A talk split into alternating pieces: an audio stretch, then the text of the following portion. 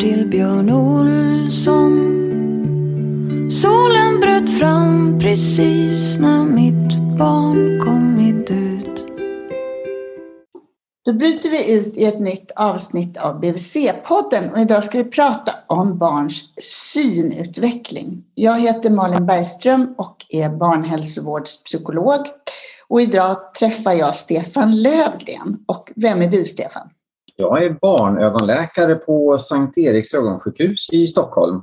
Och vad gör man som barnögonläkare? Ja, eh, en del, en del patienter eller föräldrar tror att en barnögonläkare är en barnläkare som är extra kunnig på ögon. Men det är inte riktigt så, utan en barnögonläkare är en ögonläkare som är extra kunnig på sjukdomar hos, ögonsjukdomar hos barn. Så att det är alltså ögonläkare med, med extra kompetens kring just barns ögon och syn. Du, Stefan, vad är liksom de vanligaste ögonsjukdomarna hos barn? De vanligaste ögonsjukdomarna, ja, det blir ju nästan en definitionsfråga vad vi menar med sjukdom. Men en stor del av vår verksamhet går ju ut på att se till att barn får bästa förutsättningar för en god synutveckling. Och i det ingår att se till att barn har rätt glasögon, eh, till exempel. Så det är en, en viktig del av vår verksamhet, att se till att barn som behöver glasögon får det och har rätt glasögonstyrka. Sen, sen finns det förstås sjukdomar som gör att man kommer till oss. Antingen ögonsjukdomar i sig eller att man har andra sjukdomar som kan påverka synfunktionerna. Eh, det kan vara sjukdomar som gör att man till exempel inte kan gå till en optiker och göra en normal undersökning hos optiker. Om man, är, eh, om man har en intellektuell eh, funktionsstörning så kan man inte medverka till en normal optikerundersökning alla gånger. Och då behöver man göra synfelsmätning på, på ett annat sätt som är objektivt, eh, som inte kräver lika hög grad av medverkan från barnet. Eh, och då måste man komma till en barnögonläkare. Och det behöver man göra på bebisar som inte ser bra också, eller där man misstänker att de inte ser bra förstås? De här metoderna som vi använder för att mäta synfel, de kan ju användas i alla åldrar.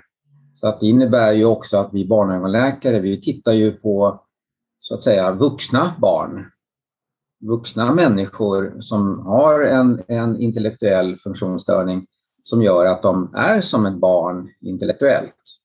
Eh, de kan behöva komma till oss för, för hjälp med syn och ögon.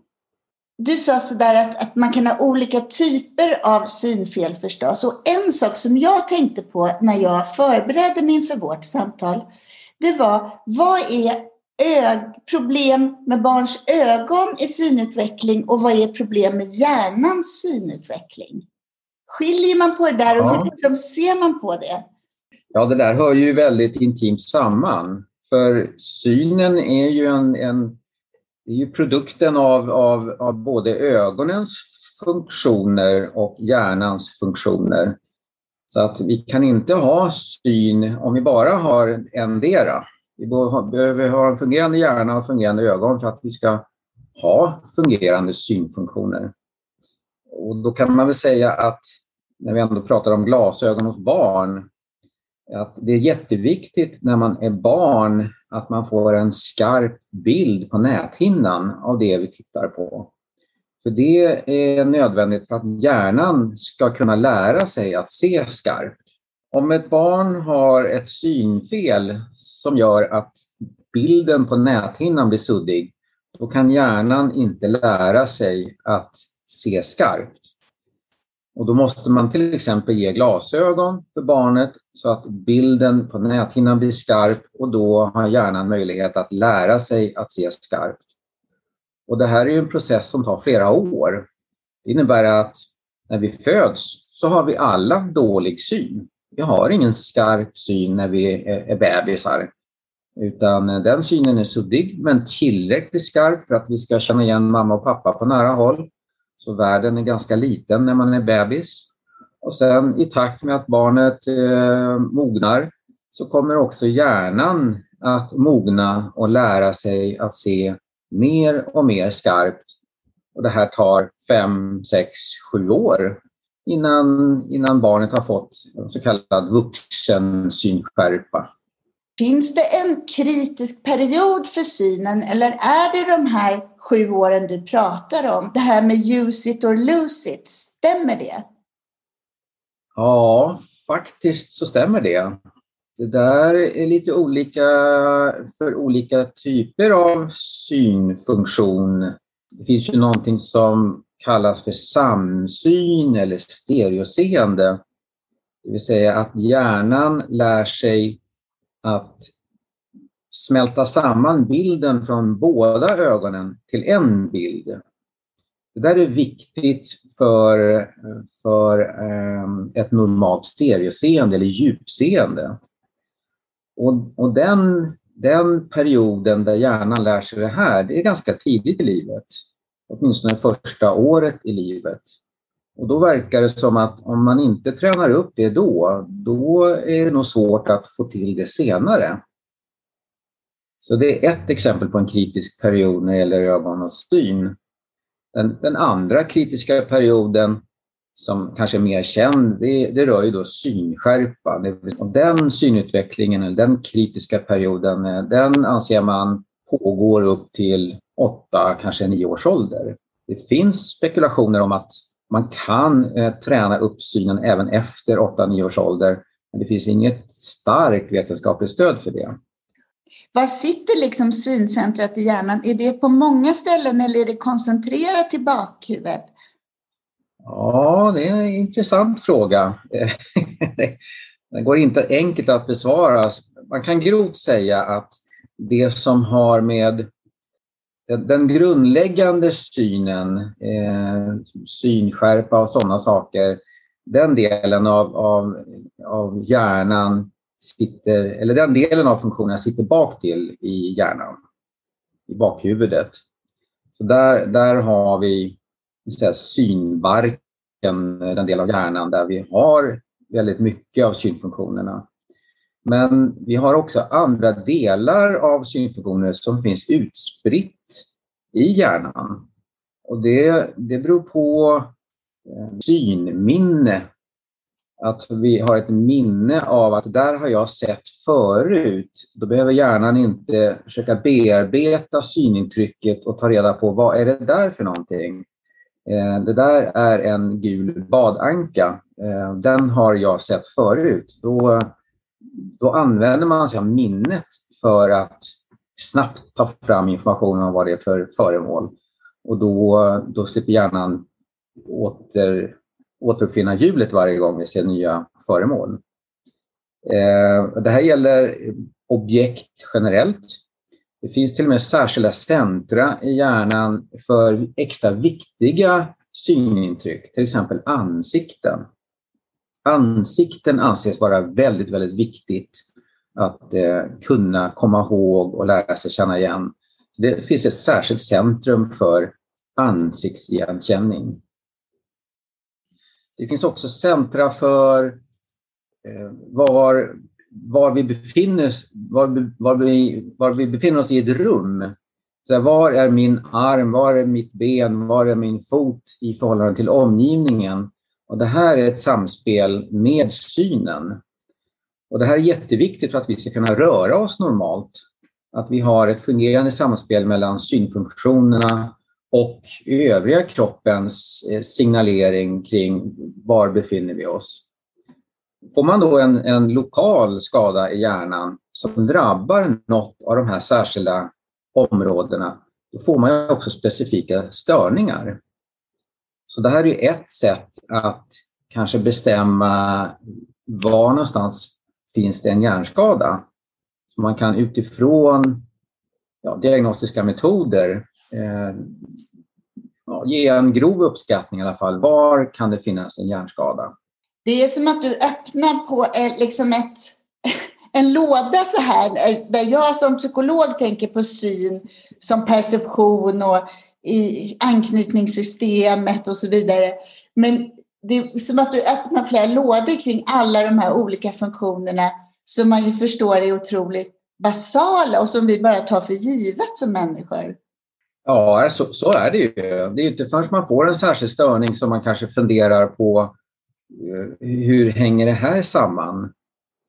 Eh, ett, ett, ett ganska vanligt, eller för vanligt problem, det är ju syntolkningssvårigheter. Att hjärnan har svårt att tolka det som ögonen ser. Så att man kan ha helt friska ögon men ändå så är det som att synen inte fungerar normalt. Och det där med syntolkningsproblem, det, det är något som är, är, ganska svårt. Det finns inga bra mätmetoder. Eh, det finns inget blodprov eller röntgen för att ta reda på syntolkningsbesvär, hur de ter sig. Utan då är det mera, då är man mer inne på psykologi. Eh, man måste ställa frågor och visa bilder och titta på beteende. Jag vill fråga dig kring det här med ansiktsigenkänning som du tog upp. Därför att du nämnde att redan från början så är den lilla bebisen intresserad av och inställd på mammas och pappas ansikte om det är de som råkar finnas nära från början. Vad vet vi om det här? Ja, eh, jag är väl lite lekman i det eftersom det är ju inte en frågeställning som vi eh, brottas med som ögonläkare. Vårt fokus är ju egentligen inte eh, hjärnans eh, igenkänningsfunktioner på det sättet. Eh, inte förrän det blir ett problem med eh, synfunktionerna. Då, då blir det ett problem som ibland landar på vårt bord. I alla fall får vi frågan ibland, eh, har, har de här problemen någonting att göra med ögonen? Finns det någon ögonsjukdom? Eh, och då är det ju så att många, många av sådana här syntolkningsproblem, de, de är ju inte associerade med någon ögonsjukdom alls. Och så finns det kombinationer, det vill säga det finns en, en utvecklingsstörning eller skada i hjärnan som i sin tur också har påverkat ögats struktur. Och det kan vi ju då ibland mäta. Att jo, men här ser vi en avvikelse i näthinnan eller synnerven och om vi då har information om att barnet har haft hjärnblödningar jättetidigt eller extra tidigt fött eller någonting sånt, eh, då kan man ibland eh, leda sig fram till att eh, förklara att det vi ser i ögonen, det beror på en skada i hjärnan. Mm. Och sen har den skadan i sin tur lett till att även ögonen får en, en sorts skada. Men just syntolkning, det, det är ju det är hjärnan som tolkar. Och om ögonen är helt friska så kan man i alla fall ha syntolkningsbesvär. Men ibland kan man ha båda delarna. Att man faktiskt har en ögonsjukdom eller ögonskada från, från födseln till exempel som gör att man har eh, sämre synskärpa, synfältet kanske inte är normalt och att det beror på hjärnskadan ursprungligen. Om vi backar tillbaka till det nyfödda barnet, är det så att barnet tränar sin syn redan när det ligger i magen, så som det gör till exempel med hörseln? Eller är synen det sinne som liksom utvecklas sist hos barn? Jag tror att synen eh, kräver längre, längre tids mognad och utveckling efter födelsen. Så det håller jag med om. Eh, när, man, när barnet ligger i mammas mage så, så finns det ju inte, det finns liksom ingenting att se eh, i, i mammas mage. Ögonen är ju inte gjorda för att se skarpt på extremt nära håll. Och barnet har ju, som jag då nämnde, en bebis har inte normal syn, normal vuxensyn, utan det är suddig syn. Så att eh, den, den syninformation som barnet får i mammas mage, den handlar inte om formade bilder, utan den handlar om olika grader av ljus och mörker. Sen om det påverkar barnet på något sätt i någon positiv mening, det, det vågar jag inte svara på. Om, men om vi, tittar, om, vi, om vi börjar vid, vid födelsen, ungefär vilken synskärpa kan man tänka sig att barnet har i början och hur ser den utvecklingen ut? En nyfödd, en nyfödd bebis ser inte mer än grovt sett kanske 10 av vuxen synskärpa. Eh, det, där, det, där, det går ju att mäta synskärpa med, med olika metoder hos bebisar. Och någonstans i den härden hamnar man väl då i de undersökningar som är gjorda. Så att eh, kanske upp till 10 synskärpa. Och det innebär, ja, vad, vad, innebär det då? Det är egentligen ett felaktigt uttryck om vi ska tänka rent vetenskapligt. Men, men de flesta förstår ändå procent, procentbegreppet, vad det betyder. Och 10 syn då, eh, det kan man förklara som att det som en normalseende person kan se på 10 meters avstånd, det behöver då den här personen med 10% syn stå på en meter för att kunna se lika skarpt. Och stämmer det att synskärpan hos bebisar är ungefär 30 centimeter där den är som bäst? Eller är det en myt? Rent optiskt så måste det inte vara så att synen är bäst på det avståndet. Men under de förutsättningar som finns hos bebisen att synskärpan faktiskt är ja, ganska dålig eller nedsatt så innebär det att för att kunna se någonting någorlunda skarpt så måste man ju ha det tillräckligt nära. Så att en bebis kan inte känna igen ett ansikte på 10 meters avstånd. För då, då blir det inga detaljer kvar till hjärnan att, att känna igen. Och då behöver ett ansikte komma fram till en halv meters avstånd eller 30 centimeters avstånd för att det ska kunna bli tillräckligt detaljrikt för att man med 10 synskärpa ska kunna känna igen ansiktet. jag tror rent optiskt tror jag inte att 30 centimeter är, det område där en bebis ser skarpast. Men i praktiken så är det det optimala synavståndet. Så det är nära som han, han, det handlar om att man ska vara nära liksom? Ja, precis. Men hur snabbt går det där sen? För att om man bara har ungefär 10 procent av full synskärpa som nyfödd, hur ser det ut vid till exempel tre månader? Har det hunnit hända något då? Ja, det går ganska snabbt. Ehm, första året så utvecklas synen eh, snabbt. Så barnet blir ju snabbt eh, mer intresserad av saker som finns på längre avstånd. Det blir också mer intresserat av, av föremål. I början är det ju ja, mamma och pappas ansikte till exempel. Men även lampor, alltså ljus, ljusfenomen, glittriga saker eh, är ju mest intressant, eller det som är mest intressant i början. Sen mognar synsystemet, synskärpan blir bättre och då kommer barnet också att, att vidga sitt synintresse till att inbegripa andra typer av föremål. Alltså leksaker, ehm, vad som helst som finns där man befinner sig i den miljö man är.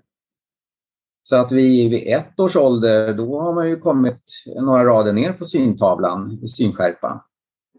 Och sen fortsätter ju den synutvecklingen då upp till fem, sex års ålder då de flesta barn har nått det vi kallar normal synskärpa. Hur liksom intensivt tänker man att det här är för en liten bebis? För jag, man kan nästan tänka sig att den här lilla, lilla hjärnan, den fullkomligt den ex, det är som en explosion av intryck den utsätts för. Jag tänker det kanske är lite bra för den att i synskärpan inte är perfekt för att man ska hinna smälta liksom under det där första året när tillväxten är så extrem i hjärnan. Ja, det är en fråga som ju inte kan besvaras. Det blir mera, det blir mera filosofisk diskussion om är det, är det bra eller dåligt? Jag tror ju att eh, det, är väl, det är väl genomtänkt, det system vi har genom eh, alla de år som vi har haft människa på jorden. Så att, eh, jag tror att det är väl anpassat, att de synintryck som en bebis behöver, det är de synintryck som barnet också får i sin miljö.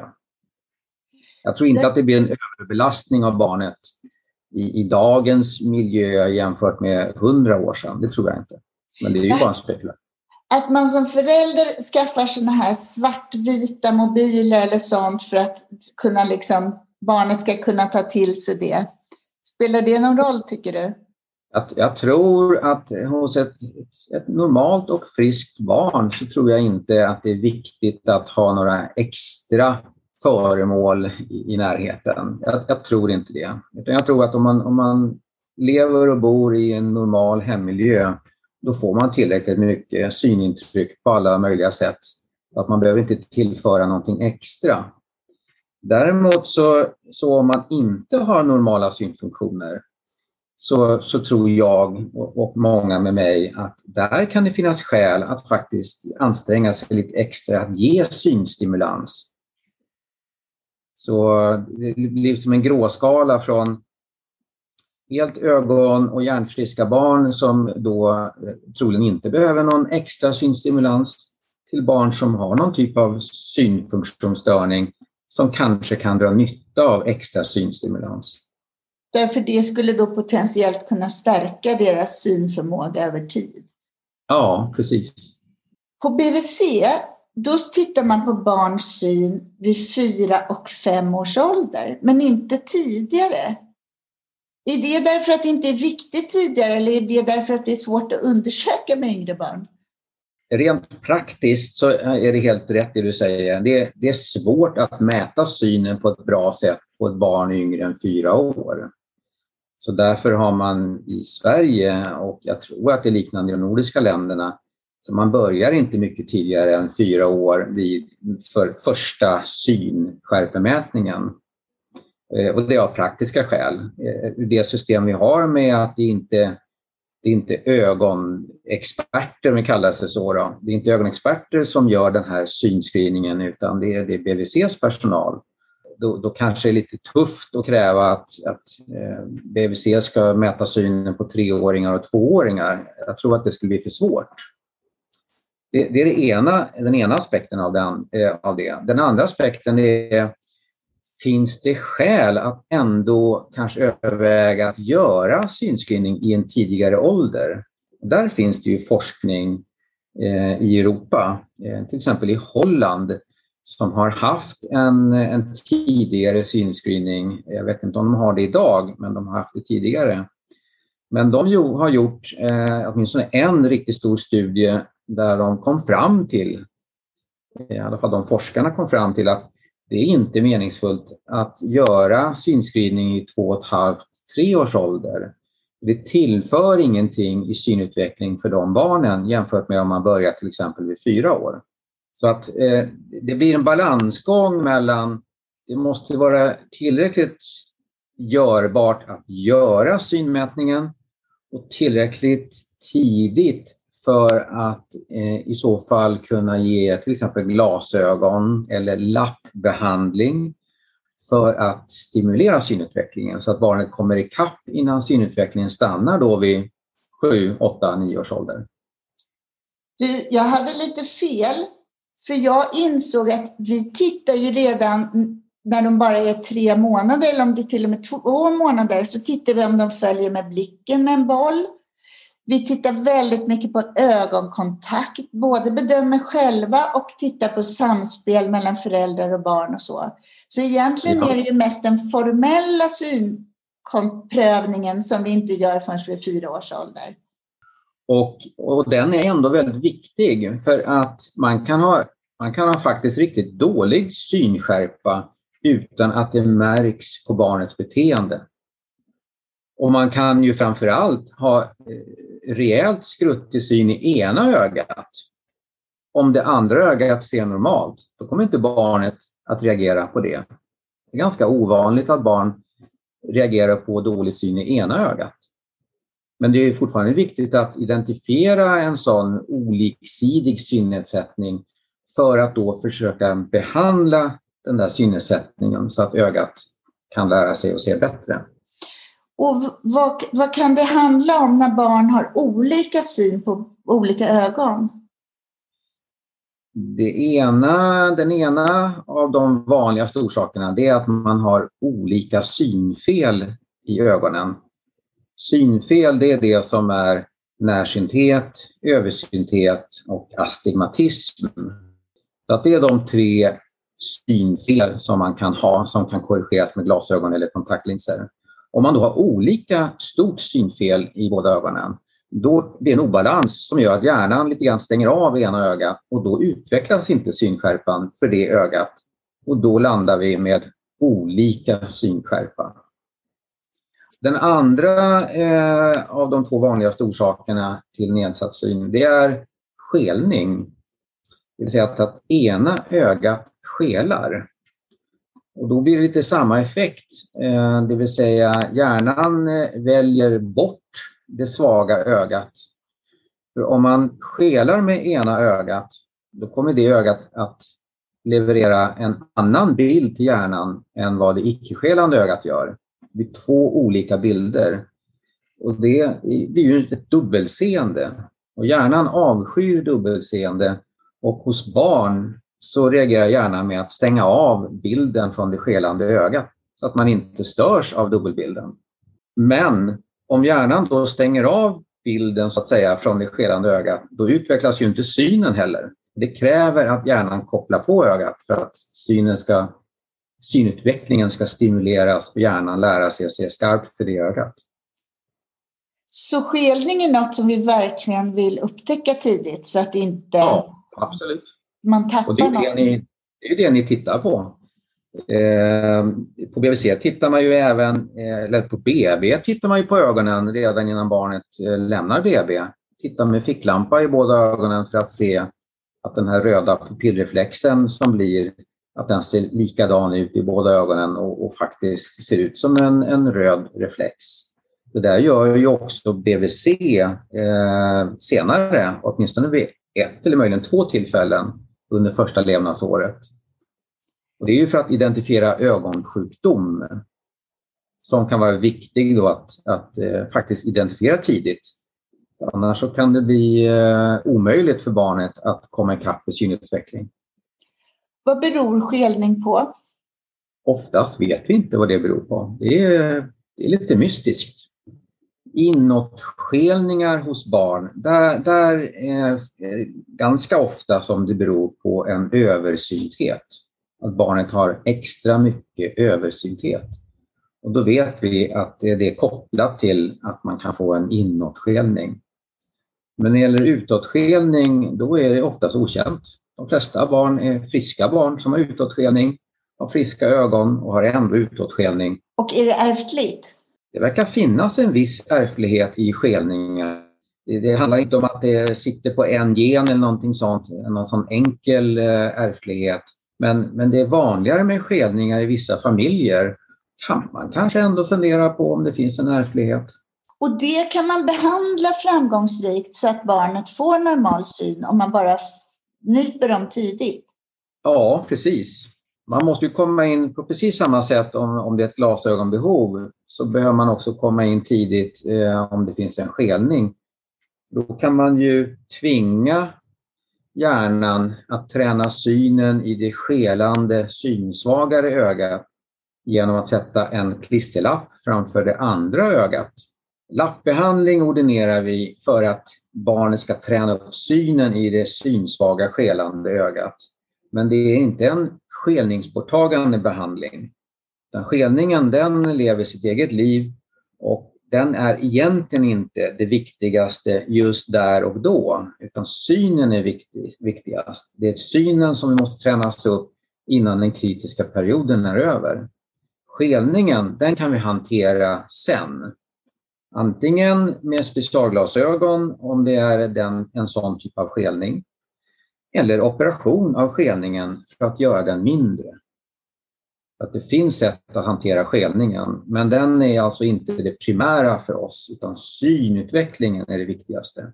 Det är den vi måste hantera under förskoleåren, för sen är det för sent. Och då vill jag komma in på de här synundersökningarna som vi gör på BVC vid fyra och fem år. Därför som jag har förstått det så är det så att vi bedömer enligt andra kriterier än vad man sen gör i skolhälsovården vid sex och sju år. Ja, jag har också eh, hört det. Och eh, BVC Alltså BVC gör ju olika i olika regioner. I Stockholm så, så mäter ju BVC synskärpan både vid fyraårskontrollen och vid fem och ett halvt årskontrollen. Det verkar man inte göra i de övriga regionerna i landet. Utan där mäter man vid fyraårskontrollen och sen är det skolan som gör vid sex år. Jag vet inte historiken varför Stockholm har en syn, eh, synmätning vid, vid femårskontrollen också. Det, det vet jag ingenting om. Men anledningen till att det är olika synkrav vid BVCs två mätningar i Stockholm, då, fyra och femårskontrollerna, det är att synen är inte lika utvecklad vid fyra års ålder och då är det lite lägre synkrav för fyraåringarna när man mäter synen på BVC. Sen eh, vid femårskontrollen, då förväntar vi oss att barnet ska ha, ha nått normal så här, vuxen synskärpa. Aha, så det händer något dramatiskt mellan fyra och fem år? Eh, inte dramatiskt, det är ju en steglös eh, ökning av synskärpan som pågår. Men, men det är ändå så pass att, eh, att de, de, flesta barn har nått normal synskärpa vid, vid fem års, ja fem och ett halvt är det väl då, fem och ett halvt års ålder. Och då har vi, då har, då har vi lagt eh, ribban, eh, en tuffare ribba kan man kalla det då, vid femårskontrollen. Vi vill att man ska ha normal vuxensyn då, annars vill vi att barnet ska remitteras till en ögonläkare. Och jag vet att du också tycker att de här synundersökningarna är ännu viktigare än de som sker på, i förskoleklassen och på lågstadiet sen i, i ettan. Och vad beror det på? Ja, för då, då har ju tåget lite grann gått när det gäller synutvecklingen. Om, man, om ett barn av någon anledning passerar fyra och femårskontrollerna utan att man har mätt synen av olika skäl och barnet har ett starkt synfel eller en skelning som inte observerats. Om, om ett starkt synfel eller nedsatt syn upptäcks vid sex eller sju års ålder, då finns det inte så lång tid kvar eh, för, på synutvecklingen eller av synutvecklingen för att barnet ska hinna komma ikapp till normal synskärpenivå. Så på så sätt är det, är det viktigare att identifiera ett synproblem på BVC än i skolan. Så det du egentligen säger det är att den här holländska studien visade på att vid 2,5-3 års ålder, det var för tidigt. Och så säger du att vid 6-7 är det för sent. Så att vi har liksom ringat in en 4-5 års ålder som otroligt väsentlig här då. Ja, jag, jag, jag, säger, jag, säger, inte att det är för sent att göra det vid 6-7 års ålder. Utan det, det, är viktigt att identifiera ett synproblem i vilken ålder det än må vara. Men om man, nu, om man nu måste välja mellan att ha en synscreening på BVC eller en synscreening i skolan, då är det viktigare att göra det vid 4-5 års ålder än senare. Vi har ju barn som, som är invandrade som kommer från länder där man inte har synscreening i förskoleåldern och sen kommer de till Sverige och eh, börjar skolan och där upptäcks det då ett synproblem. Det är förstås jätteviktigt att det upptäcks för att vi ska kunna ge barnet så goda förutsättningar som möjligt för ett så bra liv som möjligt och bra skolgång som möjligt. Så det är, det är aldrig för sent att göra en synbedömning. Du, jag har två så väldigt korta små frågor till dig som jag inte har kunnat passa in under podden. Och det ena är, eh, är det gratis med glasögon för barn?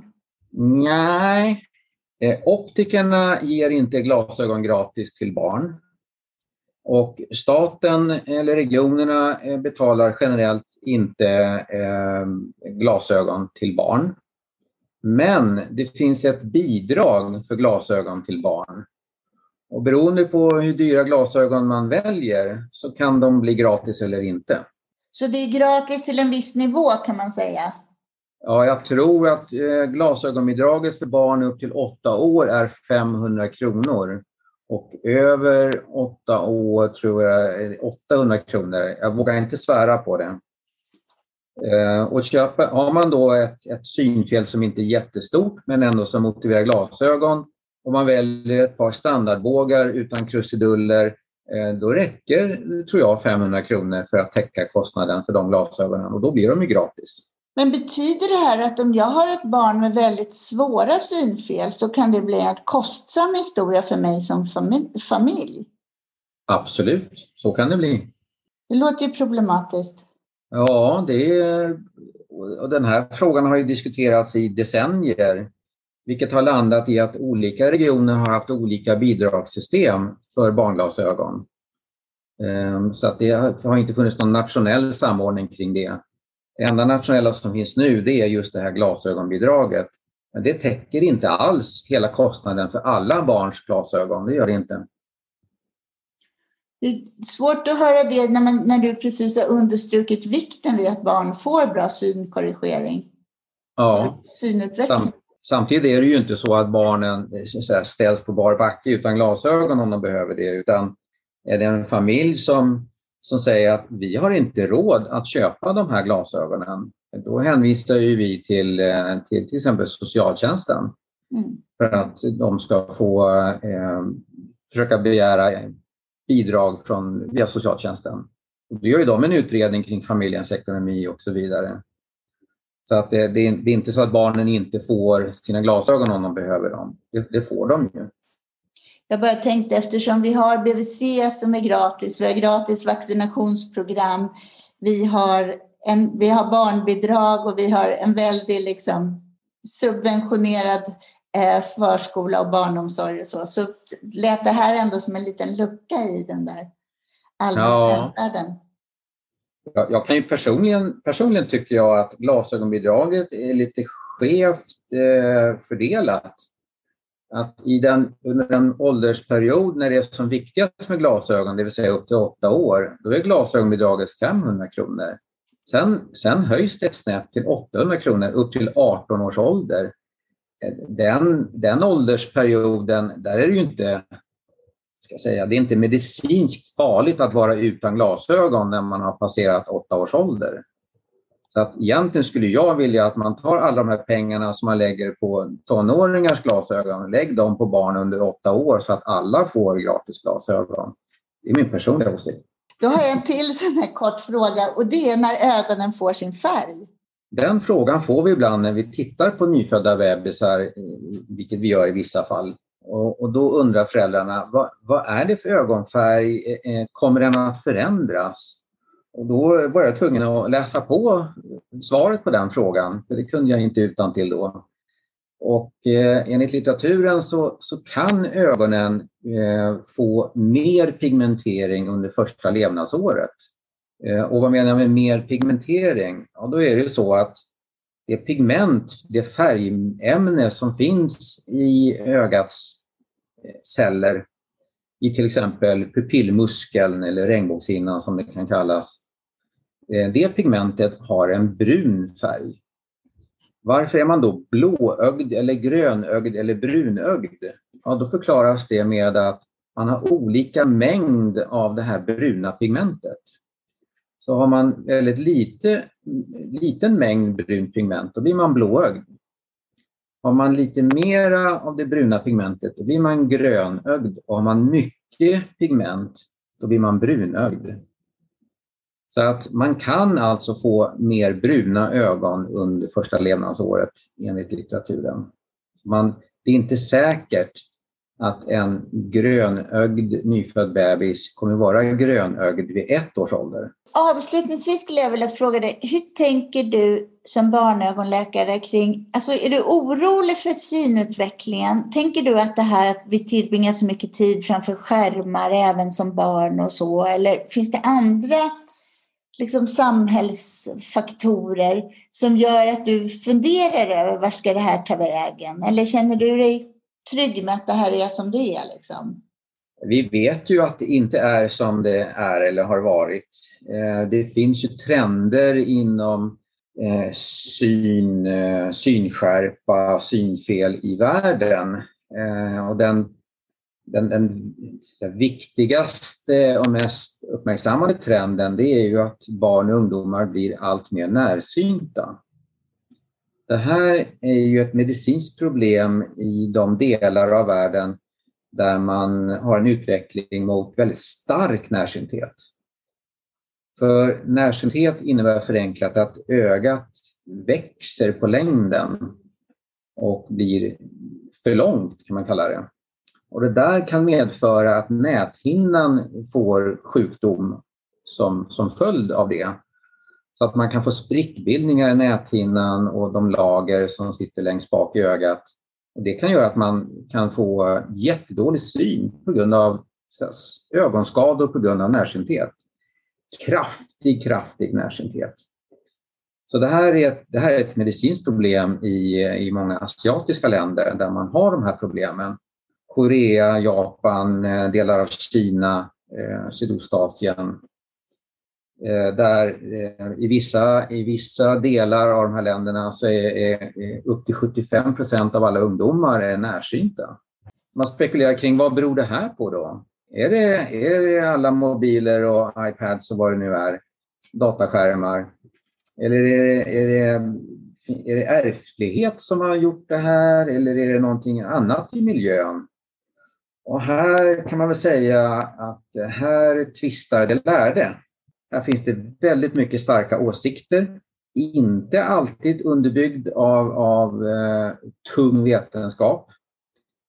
Så eh, sanningen är nog att det ligger flera faktorer bakom det här vad jag förstår av litteraturen, vetenskapliga litteraturen, så kan vi inte förklara den här närsynthetsepidemin i Sydostasien med ärftlighet eh, bara. För att det har gått så fort att det är svårt att förklara det med ärftlighet.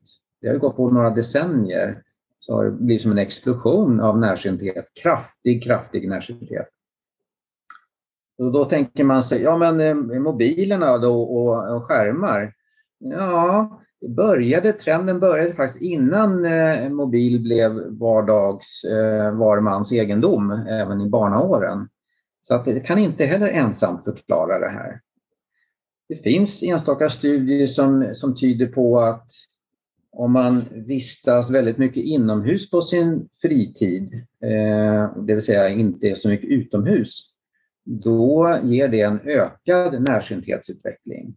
Så det verkar som att det kanske har något med solljuset som har en normaliserande effekt på, på närsynthetsutveckling. Vi har inte riktigt facit kring vad beror det här på. Det här, det här är ju gudskelov inte ett medicinskt problem då i Europa.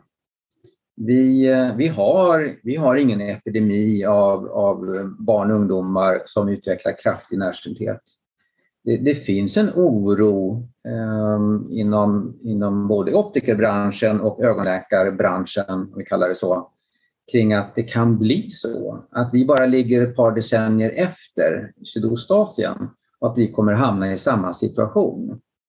Så att därför pågår väldigt mycket forskning kring hur kan vi bromsa närsynthetsutveckling? Då finns det flera olika metoder som kan ge viss bromseffekt, men inte jätte effektiva metoder. Så att det är mycket forskning. Vi har inte kommit i mål ännu. Vi har ingen bra lösning på det här problemet. Det finns mer att, att lära. Men den här, för ofta ser man ju i studier, eller liksom egentligen så här lite mer texter kring hur farligt det är med skärmar för barn. Då ser man ju det här med närsynthet som ett starkt argument. Men det menar du att det är möjligt att det spelar in, men inte mer än så? Nej, det, det, kan inte ensamt förklara den, den närsynthetsepidemi som vi, vi ser. Eh, det kan det inte göra. Eh, däremot vet vi att om man sitter mycket och tittar på nära håll så innebär det en ansträngning för ögonen. Ehm, och det är onödigt att överanstränga ögonen. Så på så sätt så tycker, tycker vi alla inom ögonbranschen att det är klokt att inte sitta långa stunder och titta på dator eller mobil eller vad man nu gör.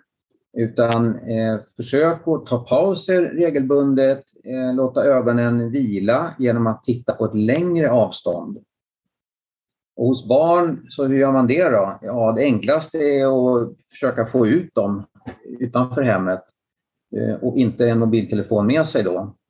För att när man är utomhus och inte tittar på en mobiltelefon, då, då tittar man ju i allmänhet på långt avstånd. Man tittar inte på två decimeter när man är utomhus. Så att det blir en automatisk avkoppling för ögonen om man vistas utomhus utan mobiltelefon. Så, men det handlar mer om att man inte ska belasta ögonen och det handlar egentligen mindre om att man inte ska utveckla närsynthet, de råden. Ja, men det finns ju den här stora australiensiska studien då, som visar att är man mer utomhus på sin fritid så får man mindre närsynthet. Att det finns i alla fall ett stöd för det, även om vi inte kan förklara varför det är så från den studien, så vet vi att det är så. Och det kan ju vara gott nog det till att börja med. Du nämnde att, det finns, att man prövar flera olika metoder för att komma till, till rätta med eller mota den här på, på, potentiella epidemin i grind. Vad är det för metoder? Det är olika metoder eh, där man med optiska här, hjälpmedel eh, försöker styra ögats tillväxt. Det kan vara särskilda kontaktlinser, särskilda glasögon, Eh, det är mera kontaktlinserna som man, man eh, lägger mest fokus på nu. Det finns också läkemedel som man kan använda som, eh, som har visat kunna påverka närsynthetsutvecklingen, åtminstone lite grann. Det finns också experimentella eh, äventyr där man sprutar in ämnen eh, bakom ögat för att, så att säga, fylla upp bakom ögat så att det inte ska kunna växa på längden de där, de där experimenten har ju inte bevisats vara effektiva utan tvärtom skadliga för, för ögon och eh, den vävnad som man då påverkar. Det lät väldigt invasivt. Ja, jo, ja, men vi har patienter som, som berättar att Jo, men eh, vi, vi vet en klinik i, i hemlandet där läkare sprutar in eh, Eh, ämnen bakom ögat. Eh, bindväv eller andra typer av ämnen för att det ska bromsa. Där finns det ingen, inget vetenskapligt stöd för utan det är som du säger, det är ett invasivt ingrepp. Man går in med en operation och, och, och riskerar faktiskt att skada. Jag tycker inte man ska göra sådana såna experiment om det inte är i, i, inom ramen för en, en vetenskaplig studie som är godkänd av etisk kommitté och så vidare. Eh, då, då är det okej. Okay. Men inte att påstå att kom till mig så gör jag det här så slipper ert barn bli närsynt. För um, rätt så fina pengar också antagligen. tror jag att vi gör så att vi bryter ut från det här avsnittet och säger tack till dig för att du var med. Tack för att jag fick vara med.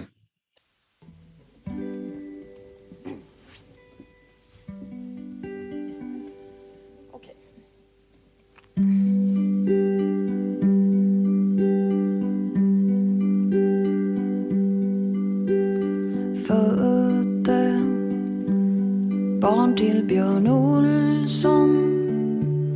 Solen bröt fram precis när mitt barn kommit ut. Låg i en pöl av svett och blod.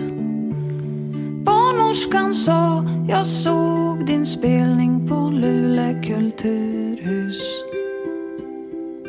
Hörde fåglarna sjunga om